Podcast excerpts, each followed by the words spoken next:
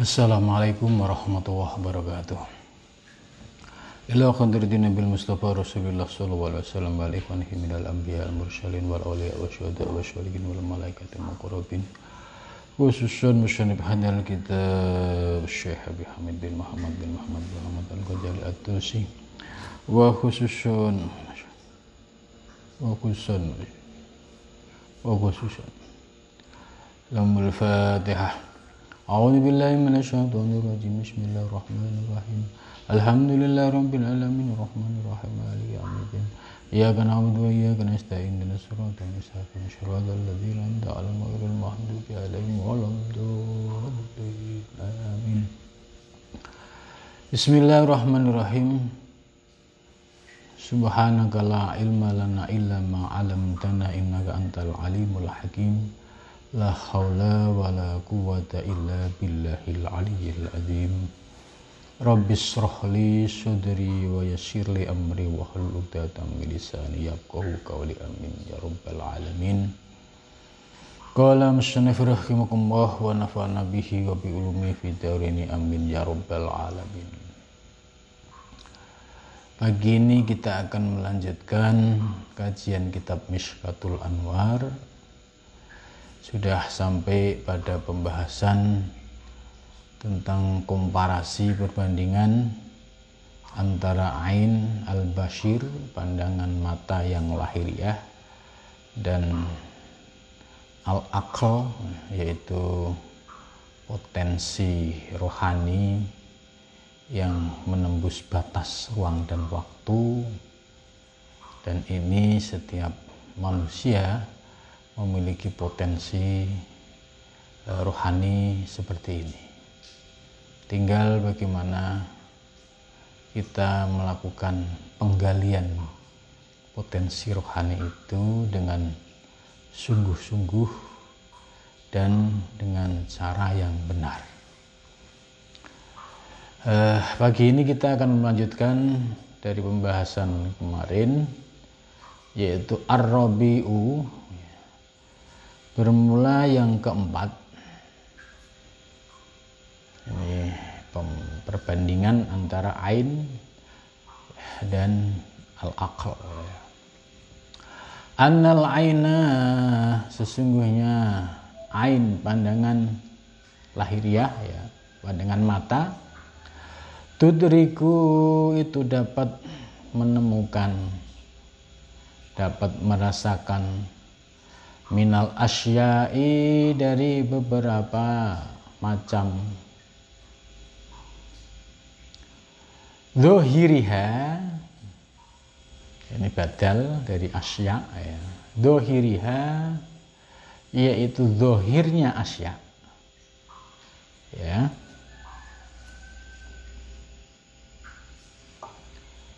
Wasabhiha dan permukaan asya al-a'la yang paling tinggi, paling luar, duna batiniha bukan aspek batiniahnya. Itu. Jadi jangkauan mata lahiriah itu hanya sebatas uh, mengetahui ya, hal-hal yang bersifat lahir ya, ya, bukan aspek batin gitu ya seperti pandangan kita ya bisa melihat hal-hal yang ada di depan kita yang manakala pandangan kita ini nur mata kita ini dalam keadaan normal gitu. Nah, itu pun hanya bisa melihat dari aspek zahir saja. Nah, itu belum ain pandangan yang hmm, sedang sakit atau, atau sedang tertutupi ya itu juga pandangan mata tidak bisa menembus ya. jadi yang keempat ini eh, Imam Ghazali menegaskan bahwa pandangan mata lahiriah itu sebatas melihat aspek-aspek dohir ya dan tidak mampu menembus aspek batin. Itu. Ya, tentu berbeda dengan basyiratul kolbi. Ya, basyiratul kolbi itu mata hati yang mengetahui hal-hal yang bersifat batiniah. Bal qawalibuha wa suwaruha duna haqo ikiha ya. Bahkan ya, termasuk hal-hal yang terkait dengan kualibiha. Kualib itu artinya itu semacam kayak cetakan yang sifatnya eh, eh, nyata ya. Jadi kualib itu dari maknanya eh, kalau kalau makna murad lebih enak. Tapi kalau makna teks ini eh, kurang agak ini agak kurang pas ya. Bal buha itu bahkan hal-hal yang terkait aspek kulit luar ya kualib kalau makna di kamus kualib itu cetakan tapi lebih eh tepat kita makna murodnya ya kualib itu terkait dengan eh, penampakan penampilan aspek luar ya kualib ya. Waswaruha dan rupa lahiriahnya ya, rupa fisiknya. Dunahako ikiha bukan aspek hakikatnya nah kita bisa buktikan ya ketika kita melihat wujud yang ada di sekitar kita ya kalau hanya mengandalkan pandangan ain, ain lahiriah pandangan, ya kita hanya bisa melihat hal-hal yang sifatnya lahiriah. Itu. Bahkan termasuk kalau kita melihat gunung, ya keindahan gunung atau bukit, ya, dan waswaruha, ya, eh, keindahan-keindahan rupa, ya, itu mata lahiriah hanya sebatas mengetahui hal-hal yang lahiriah. Dunah haki hakoi hakoi ko ha, bukan aspek hakikatnya. Hmm, contoh tadi, kalau misalkan kita jalan di pinggir pantai atau di sebuah pegunungan melihat pemandangan yang indah, kalau kita memandang dengan mata lahiriah, maka yang nampak adalah keindahan secara lahiriah.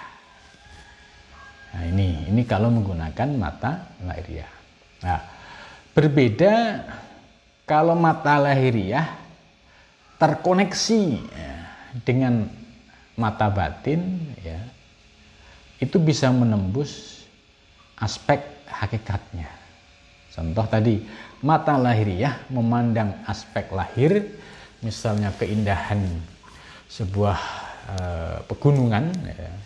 ya kalau kita lihat di Indonesia itu misalkan lihat Bali, lihat Bromo, lihat puncak misalkan. Itu kalau orang yang belum pernah ke sana itu pasti akan takjub, subhanallah gitu ya. Akan merasakan keindahan yang luar biasa gitu. Apalagi turis-turis dari Timur Tengah itu kalau ke puncak itu itu menganggap jannah jannah itu surga surga itu ya nah pandangan lahirnya tadi. Hanya sebatas melihat aspek lahir keindahan keindahan lahirnya untuk mengembalikan kepada Allah ya itu sulit. Gitu. kalau tidak dibantu dengan dikonektingkan dengan hati. Ya itu kalau dikonektingkan dengan hati ya bisa oh ya subhanallah indahnya alam ini ya Allah sebagai wujud ciptaanmu. Jadi keindahan-keindahan ini ya tidak ada lain adalah keindahanmu. Ya misalkan kita lihat sunset atau sunrise ya, ya melihat pandangan yang ya sangat indah ini mempesona.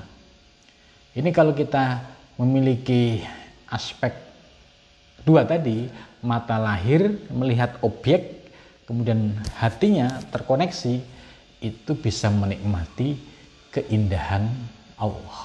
Itu. Bisa menikmati jamalullah keindahan Allah. Oh bahwa indahnya wujud yang kita lihat itu sebagai bukti nyata dari tajalli jamalullah.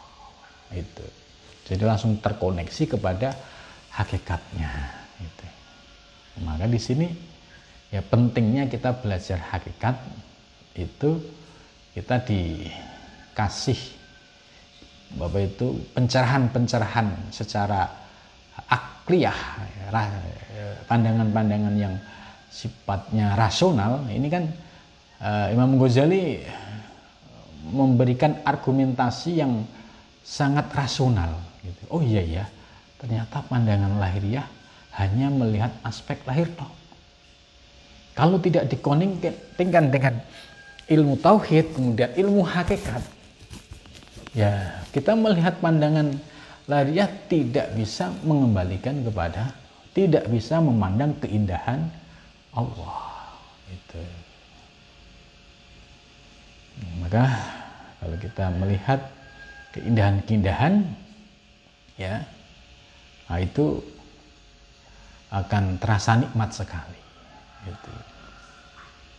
Ya ini ada uh, banyak cerita ya tentang pandangan dua orang yang berbeda. Ya. Satu pandangan lahiriah, satu pandangan batiniah. Ya, ada kisah ya seorang murid dan guru berjalan. Ya, satu ketika melihat ada wanita cantik ya sang murid tidak berani melihat karena takut dosa gitu kan maksiat gitu. tapi sang guru melihat tanpa berkedip gitu ya muridnya bingung guru ini kan maksiat gitu ya. Maksiat bagimu gitu gitu. Ini perumpamaan ini contoh ini persis bisa ada sebagai contoh ya dari uh, yang keempat ini gitu. Ya maksiat bagimu karena murid ini yang dipandang aspek lahiriah. Kalau yang dipandang aspek lahiriah akhirnya muncul imajinasi-imajinasi liar. Yang larinya ke nafsu. Ya maksiat yang larinya berpaling dari Allah. Gitu kan? Karena ilmunya belum nyampe. Karena dia memandang objek wanita cantik tadi sebatas lahiriah sehingga muncul eh, apa itu tadi? Dorongan eh, nafsu. Kemudian akhirnya maksiat. Kemudian akhirnya ya dia untuk memandang kepada Allah sangat sulit. Berbeda dengan kiainya ya sehnya gitu ya. Dia memandang didasari dengan hati ya ya dengan ilmu hakikat ya tanpa berkedip karena pandangan yang didasari dengan batiniah ini ya bukan pandangan hawa nafsu. Sehingga yang nampak dalam pandangannya adalah keindahannya jamaluwahnya ya. Terus apakah pandangan seperti ini bisa membangkitkan membangkitkan nafsunya sang kiai tadi? Tentu tidak. Karena yang dinikmati adalah aspek spiritualitas. Karena keindahannya maka dominasi nafsu ini ya tidak mampu muncul. Beda dengan murid tadi ya. Karena murid menggunakan pandangan lahiriah terus dia hanya melihat dari aspek lahir terus dominasinya mas dominasi nafsu masih kuat amarohnya gitu sehingga ketika melihat ya terus imajinasi liarnya ya berkembang. Wah, andikan jadi istri saya, andikan, andikan, andikan. Akhirnya nah ini yang muncul nafsu. Sama sekali tidak uh, bisa uh, memandang yang aspek batinnya. Ya. Sedangkan yang kiai tadi ya memandang tanpa berkedip karena sudah ngerti ilmunya. Ya, yang dipandang adalah keindahan hakikat wujud yang nyata. Ya.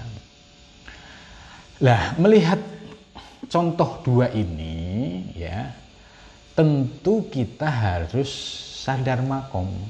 Ya, saya sering menyampaikan sadar makom itu penting.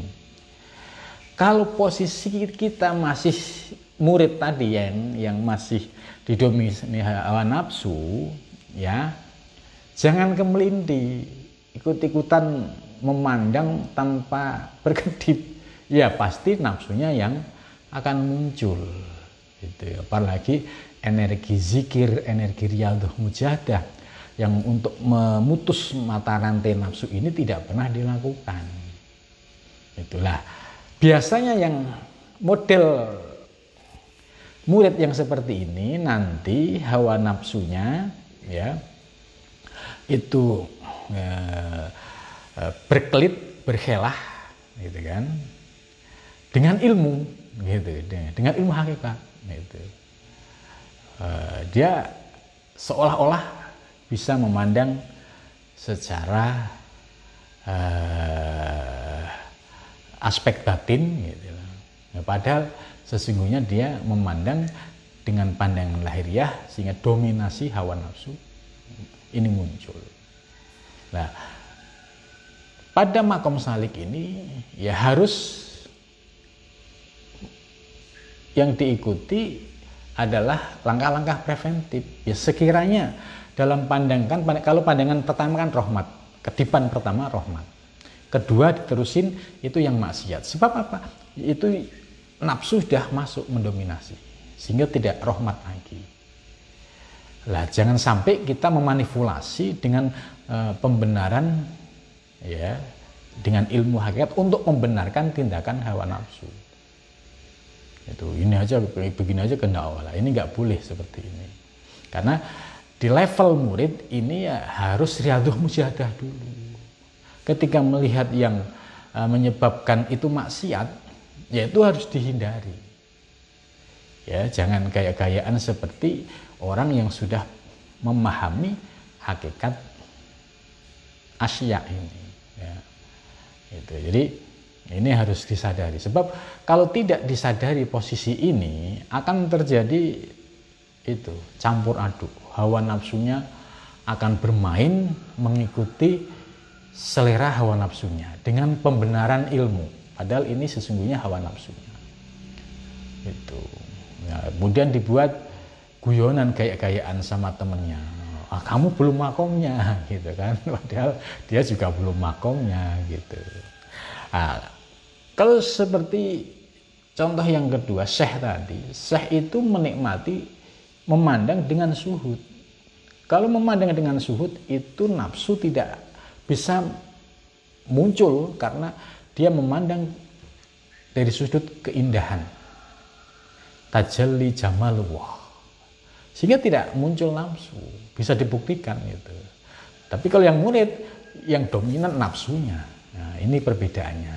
Nah para masyayikh yang sudah diberikan anugerah seperti ini ya beliau tidak banyak kata. Itu mungkin kalau orang awam melihat kok melihatnya sampai segitu karena dia tidak paham apa yang dirasakan. Itu.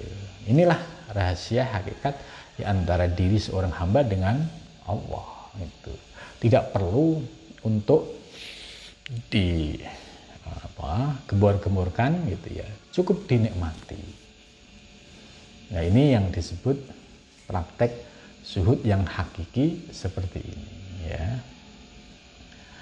Itu. Jadi bagi pemula seperti kita ini ya jangan ikut gaya-gayaan yang kedua gitu kan. Ya harus menyadari posisi kita harus uh, wanahan nafsa anil hawa gitu. Jadi kalau makom salik ini ya masih wanahan nafsa anil hawa harus mencegah hawa nafsu dari keinginan-keinginan negatif. Ya inan nafsa la ammaratum bisu karena nafsu yang ada dalam diri kita itu masih menarik kepada yang ke kiri yang negatif terus itu kecuali kalau riaduh mujadah kita sudah istiqomah zikir kita istiqomah ya, baru nanti ada percikan cahaya rohani lah inilah yang bisa mengokohkan aspek rohani kita sehingga dominasi hawa nafsu itu posisinya uh, bisa dikendalikan.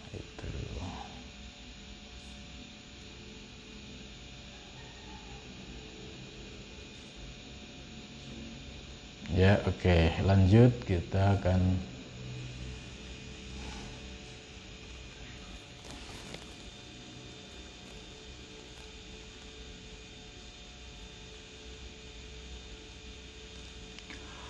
Wal aklu yatagolu golu ila bawatinil asya. Wal aklu akal ya. Di sini akal bukan bermakna akal yang fikir yang rasional itu bukan itu. Akal ya potensi rohani ya bisa disebut dengan basyiratul kolbi ya. Bisa disebut dengan hmm, kemarin uh, nafsani ya yang bisa menembus batas ruang dan waktu. Itu istilahnya Imam Ghazali menggunakan istilah akal ya, tapi harus dipahami maksud maksud akal ya tidak seperti akal yang fikir atau yang rasional. Jadi, akal itu potensi rohani yang dimiliki oleh seorang hamba ya, yang bisa terkoneksi dengan Allah Subhanahu wa taala. Wal aklu dan pemula akal yatagol golu itu mampu menembus ila bawatinil asya kepada aspek batin dari segala sesuatu. Wa asroriha dan segala rahasianya. Ya. Wa yudriku dan akan menemukan atau merasakan hako ikoha hakikat-hakikat asya wa arwahaha dan aspek ruh dari asya ya bagi seorang salik ya yang sudah memahami ilmu hakikat ya seandainya dia duduk termenung ya di sebuah uh, tempat yang dihadapannya itu adalah objek gunung atau objek keindahan alam semesta ya itu dengan perenungan-perenungan yang dia lakukan. Dan juga tidak sebatas perenungan tapi ya ada riyadhah mujahadah tadi karena untuk menyingkap aspek batin ya harus melalui riyadhah mujahadah itu nah, ini bisa menyingkap hal-hal yang batin ya dari objek yang dia lihat. Contoh soal gunung tadi. Ya. Wa asrariha dan mengetahui rahasia-rahasianya. Jadi ketika dia duduk ya dalam kondisi hening, jernih, ya, suci, kemudian eh, sudah mulai bisa mempraktekkan sujud musyahadah itu pada saat tafakur tadi maka akan muncul asror-asror ilahiyah itu akan diberikan pengetahuan-pengetahuan baru secara rohani yang istilahnya ujuk-ujuk kok ngerti ini? Ujuk-ujuk uh, kedalamannya seperti ini? Gitu. itu yang disebut asror. Jadi asror itu uh, bagian dari aspek rohani ya apabila seseorang itu istiqomah dalam tafakur dan riaduh mujahadah itu kata Ibnu Arabi dan dia istiqomah ya sebagai seorang salik yang ada fakiron ya, itu bisa memperoleh limpahan asrar-asrar ilahiyah yang sumbernya dari Allah Subhanahu wa taala. Oh, tiba-tiba menemukan rahasia-rahasia di balik apa yang dipandang. Itu. Wayud riku hako ikoha. Dan dia akan menemukan merasakan hakikat-hakikat ya keindahan objek yang dipandang. Itu. Wa arwahiha. Ya melihat gunung ya subhanallah ya. Betapa indahnya Allah menciptakan keindahan alam semesta. Nah itu pandangannya selalu terkoneksi ingat kepada Allah. Dan inilah yang disebut hakikat zikir itu seperti ini. Bukan zikir secara lesan tapi hatinya lupa kepada Allah gitu ya. Tapi hakikat zikir yang sesungguhnya itu tadi memandang objek yang dipandang dengan mengingat Allah Subhanahu wa taala. Itu.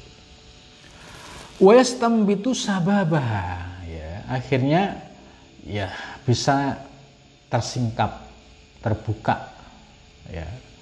Tentang sebab-sebab ya. Kenapa kok kenapa begini? Akhirnya mendapatkan jawaban oh karena begini gitu. Ini kenikmatan e, semacam ini ya bisa dirasakan oleh seorang salik yang istiqomah gitu. Ketika ada pertanyaan kenapa ya kok begini? gitu.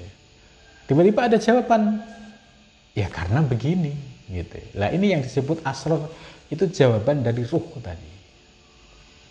Wa ilatiha dan alasannya. Kok bisa begitu ya? Ya karena ada rahasia begini gitu. Wa Tuhan dan oh tujuannya apa sih? Gitu. Wa Tuhan dan bisa memperoleh hikmah apa? Ya setelah dia memandang objek tadi. Itu jadi inilah ibarat kayak tersingkap panorama keindahan alam semesta ya indah secara lahir, indah secara batin. Ini bagi yang merasakan inkisaf, ya. hatinya terbuka, dibuka oleh Allah Subhanahu Taala. Jadi bisa menikmati keindahan yang hakiki, ya itu.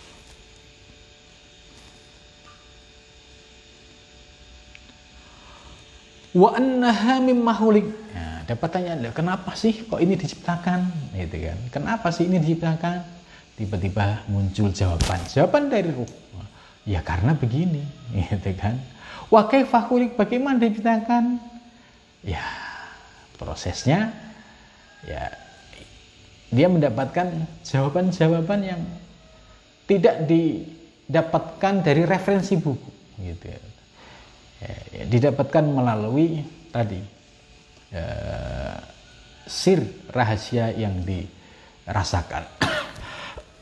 Wali mahulik dan kenapa diceritakan? Gitu kan. Wa min kam makna jam'in warok gabin.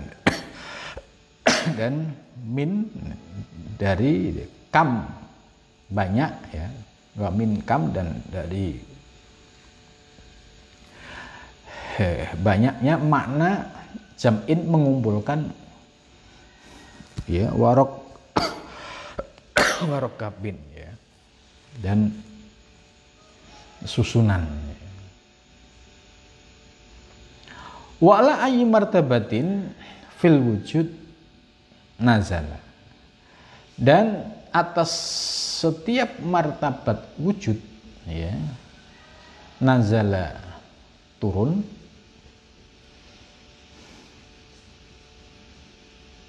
Hmm. Maksudnya Maksudnya setelah dia terbuka pemahaman yang hakikat tadi ya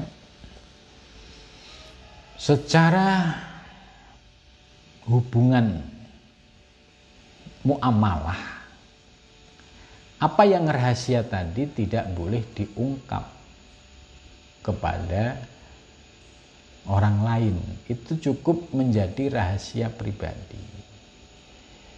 Maka ketika diucapkan ya artinya ketika proses tanazul tanazul itu berarti kesadarannya menurun sebagai seorang hamba maka bahasa yang harus disampaikan adalah bahasa umum bahasa yang bisa dipahami secara ya uh, syariat ya. Bukan bahasa yang hakikat itu. Itu ketika posisi sudah tanazul. Tanazul itu uh, turun dalam uh, wilayah kehambaan. Itu. Sebab kalau ketika sudah ngobrol-ngobrol misalkan dia tadi tafakur mendapatkan keindahan-keindahan itu terus dia ngopi dengan banyak orang yang banyak orang itu tidak ngerti apa yang dia rasakan. Terus apa yang dia rasakan disampaikan. Ini sama saja ya meletakkan mutiara di leher babi gitu. Karena akan menyebabkan fitnah. Dia akan bicara Allah Allah terus kan. Sementara yang lain nggak paham. Nah ini tidak boleh seperti itu. Jadi ketika tanazul ya harus menggunakan bahasa komunikasi sesuai dengan ketentuan syariat. Sedangkan pengalaman hakikat tadi itu sebagai rasa, tidak boleh untuk dipublis ke publik ya. Cukup itu dirasakan lah. Pemahaman ini seperti ini penting sebab kalau tidak ada koridor seperti ini kemudian dia asal mendapatkan sesuatu kemudian diobral disampaikan ya, tanpa memahami etika dan adabnya ya nanti akan menimbulkan fitnah itu akan menimbulkan fitnah dan akhirnya berujung berurusan dengan polisi karena dianggap menyebarkan ajaran-ajaran yang membuat kegaduhan contohnya itu. Nah di sinilah para ulama-ulama terdahulu mulai dari Ibnu Abbas, Abu Hurairah, ya, kemudian para uh, sufi-sufi uh, seperti Ibnu Arabi, Imam Ghazali, ya, itu selalu berpesan supaya dalam mempraktekkan ilmu ini proporsional itu. Jadi aspek syariat dan hakikat itu seimbang, ya. Jangan menyampaikan yang hakikat di wilayah publik, akhirnya menyebabkan uh, fitnah gitu ya. Wa nisbatuhu ila khaliqiha dan selalu bisa menisbatkan wujud yang dia lihat kepada kholiknya, kepada kholikil asyak, pencipta segala sesuatu. Ya.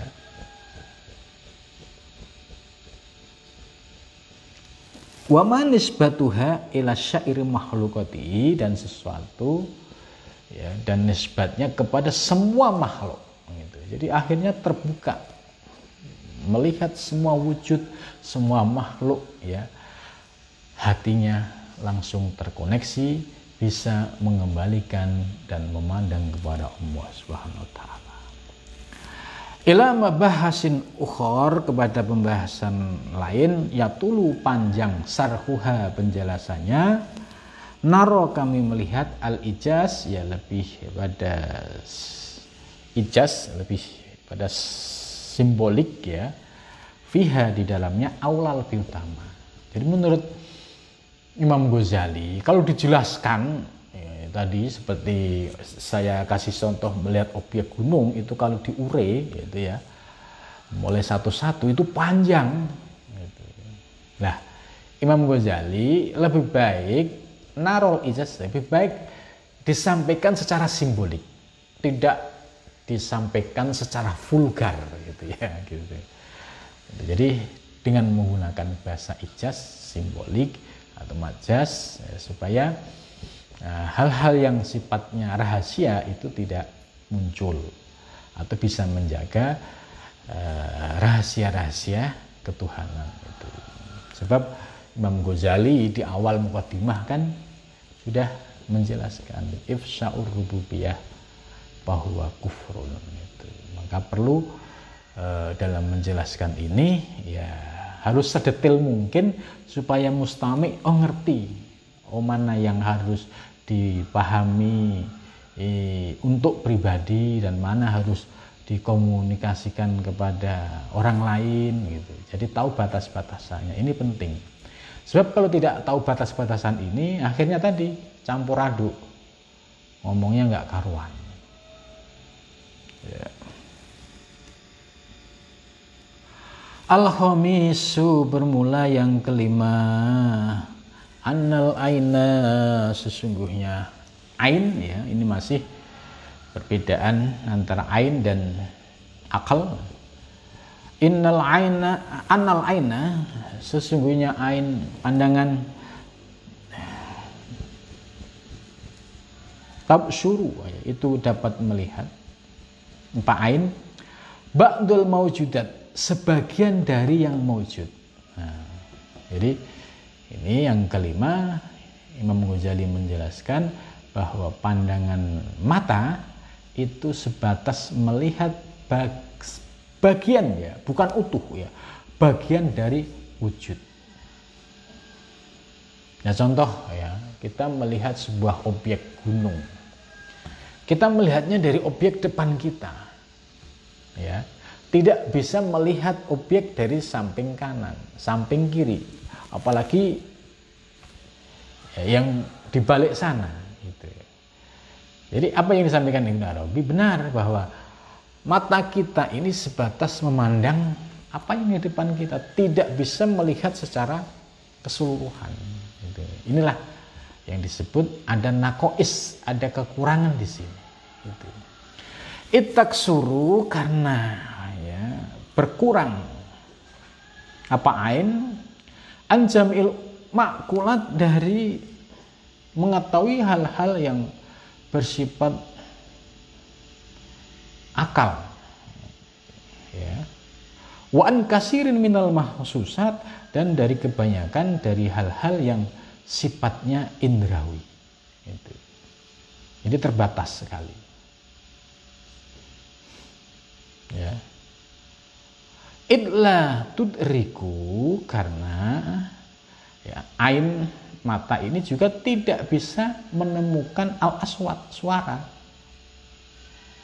ya maksudnya mata kita ini di depan kita itu ada orang bibirnya gerak.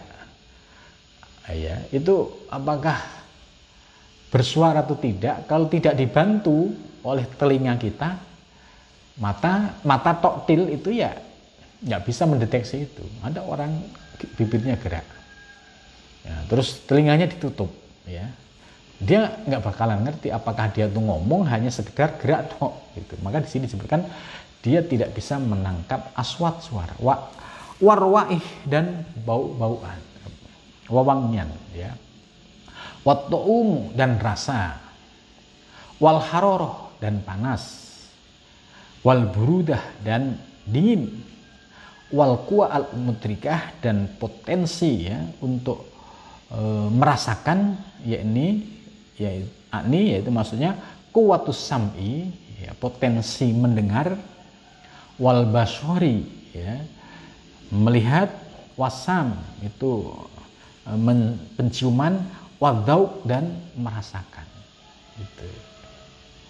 Jadi pandangan ya sebatas pandangan tidak sampai bisa menembus ke dalam tadi suara ya uh, bau-bauan rasa itu dan uh, potensi sama basor sam dan do balik sifat batiniyah bahkan juga tidak bisa menembus sifat-sifat batiniyah an-nafsaniyah gitu ya. sifat-sifat batin yang bersifat nafsani. Ya seperti kalfarhi.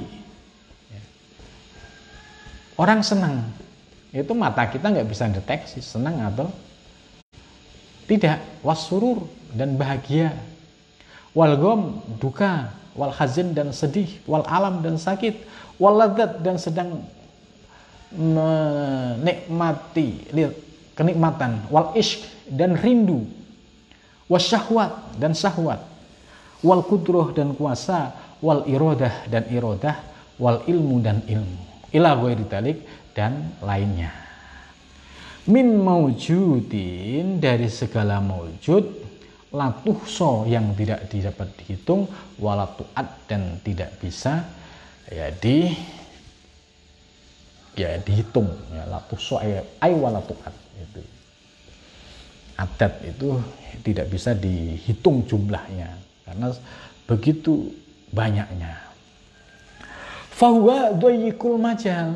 Ya ternyata ain ini ya memiliki wilayah yang sempit. Itu. Muhtasirul majro dan memiliki keterbatasan. Ah, itu. Latas uhu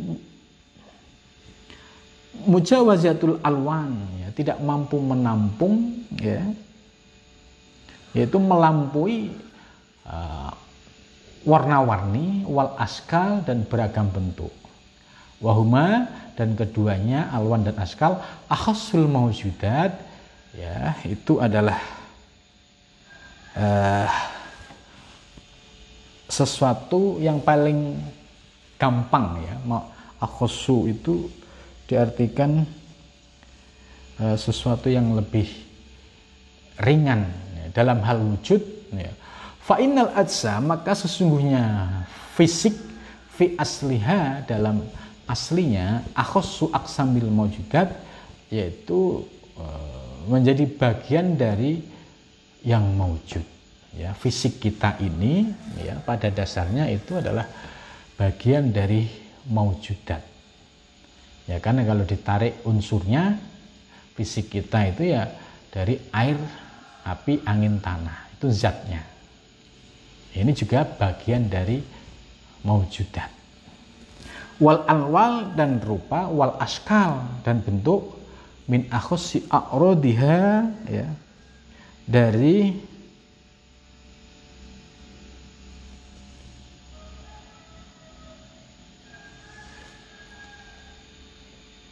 hal-hal yang terkait dengan akrot ya, materinya gitu. ya Da fal mawjudat kulluha majalul akli wawahu a'lam. Ya sampai sini dulu. Mudah-mudahan dari penjelasan tadi dapat memberikan oase ya. Dapat menjadikan pencerahan bagi kita dalam memahami keterbatasan pandangan lahiriah dan eh, potensi akal atau potensi rohani yang tidak terbatas oleh ruang dan waktu ya, baik dari aspek lahir maupun aspek batin ya. Sampai sini dulu. Wa alam bisawab wal Wassalamualaikum warahmatullahi wabarakatuh